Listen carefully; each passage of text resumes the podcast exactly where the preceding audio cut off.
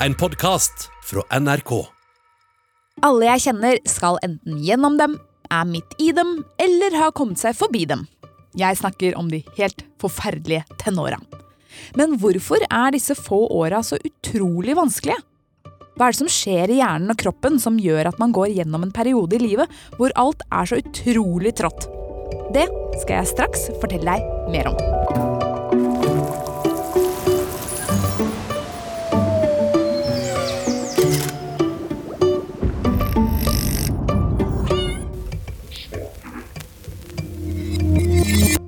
Hei og hjertelig velkommen til en ny episode av Smartere på ti minutter, der jeg, Selda, forteller deg om fakta, vitenskap, historie og andre morsomme temaer som gjør deg nettopp det, litt smartere, innen ti minutter. Personlig husker jeg ikke helt hvordan det var å være tenåring. Jeg husker selvfølgelig opplevelser og folk jeg møtte, men hvordan jeg hadde det som en tenåring, har jeg tydeligvis prøvd å dytte langt ned i underbevisstheten.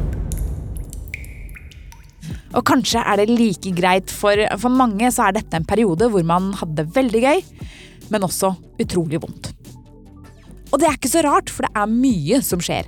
Du har en kropp som plutselig forandrer seg. Hvorfor er ikke puppene mine like store?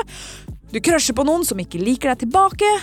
Venner du hadde er plutselig ikke venner lenger, og de voksne har forventninger som er helt umulig å leve opp til.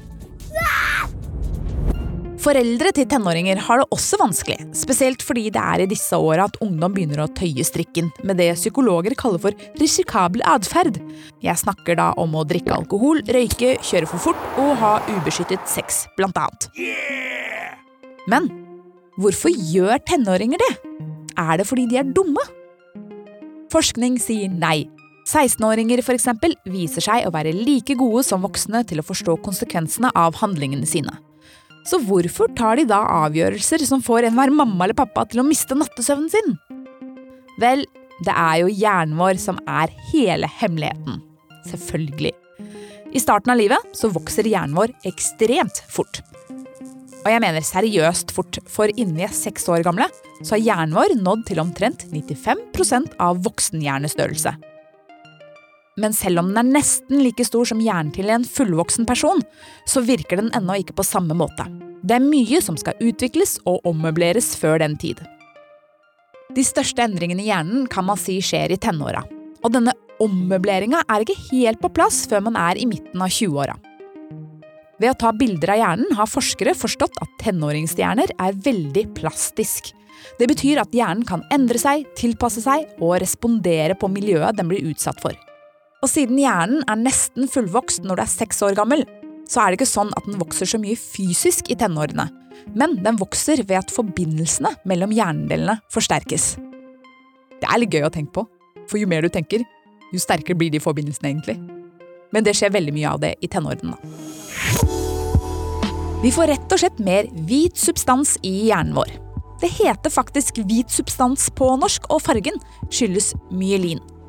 Og myelin det er et fettholdig hvitt stoff som pakker inn den delen av nervecellene som stikker ut og overfører informasjon. Det kan minne om isolasjon på strømledninger, egentlig. Og det at tenåringshjerner får mer hvit substans, gjør at hjernen kobler sammen de forskjellige delene av hjernen, sånn at de kan snakke kjappere og mer med hverandre. Og denne prosessen starter på en måte bakerst i skallen og jobber seg framover mot panna med åra. Som betyr at den bakre delen av hjernen er mer ferdig enn den fremre delen når du er i tenåra.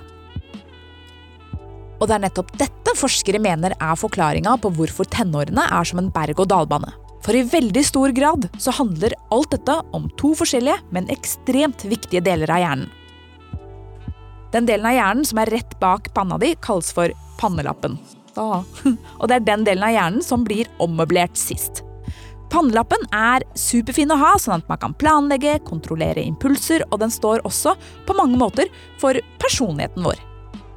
For eksempel så kan skader på pannelappen gi endring i personligheten. Og det var det som var så skummelt med lobotomi. De som gikk gjennom en sånn behandling, var som regel ikke til å kjenne igjen etterpå. Men det syns jeg egentlig at jeg skal snakke om i en annen episode. Hmm. Uansett, tilbake til pannelappen og tenåringer. Det at det er denne delen av hjernen, altså pannelappen, som blir ferdig sist, betyr ikke at tenåringer ikke har selvkontroll eller klarer å planlegge. Men signalene fra denne delen av hjernen går ikke like kjapt til de bakre delene av hjernen, der vi f.eks. kontrollerer følelser og motivasjon. Og den delen har jo selvfølgelig et navn og kalles for det limbiske system.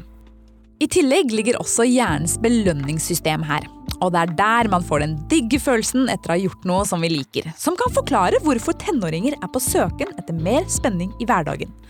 For dessverre er denne delen mye mer utvikla enn pannelappen. Og jeg mener seriøst, dessverre. For se for deg at du står der i tenårene og vurderer en risikabel situasjon. Fullstendig klar over hvor gøy det kan bli, hva risikoen er, og at du kanskje ikke bør gjøre det. Samtidig så er det noe inni deg som gjør at du ikke helt klarer å kontrollere deg selv fra å ikke gjøre det.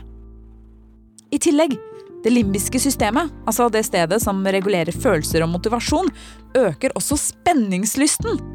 Og dessverre er den delen mye mer utvikla enn pannelappen.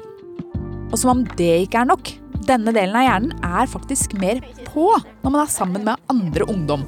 Det betyr altså at tenåringer trigges til å bli med på mye mer risikofylte opplevelser når de er sammen med andre tenåringer, enn når de er alene eller sammen med kjedelige voksne. Ikke sånne som meg. Yo, yo, what's up? Uansett, timingen på hvordan disse to systemene utvikler seg, kan være veldig slitsomt for mange. Både for voksne som har tenåringer i hus, men kanskje aller mest for ungdommene selv som f.eks. veit at det er dumt å ikke bruke kondom. Samtidig så sliter de med selvkontroll, fordi orgasmen er rett rundt hjørnet. Disse åra er kanskje kjempevanskelige, men det er også veldig mye fint ved dem. For det er ofte i denne perioden man opplever de virkelig store tingene for aller første gang. Første ordentlige forelskelsen, første ordentlige kjærlighetssorgen. Kanskje ikke så flott opplevelse, men den er verdt å få med seg. Eller første gang man eh, får ta egne valg som definerer deg selv og det du tror på. Så om du som hører på er midt oppi dette, så er mitt tips å høre på de voksne, men samtidig ta dine egne valg. Det er lite man kan ta tilbake av det man har gjort, men det er også dumt å gå glipp av livet fordi man skal være rasjonell og flink hele tiden. Så hvis jeg skal oppsummere disse forferdelige åra Ungdommene rives og slites mellom å balansere handling og belønning, og gruppepress er faktisk en helt reell ting som er viktig å ta på alvor. Og akkurat som at tenårene går over, er altså denne episoden over. Jeg håper du hører på neste uke også.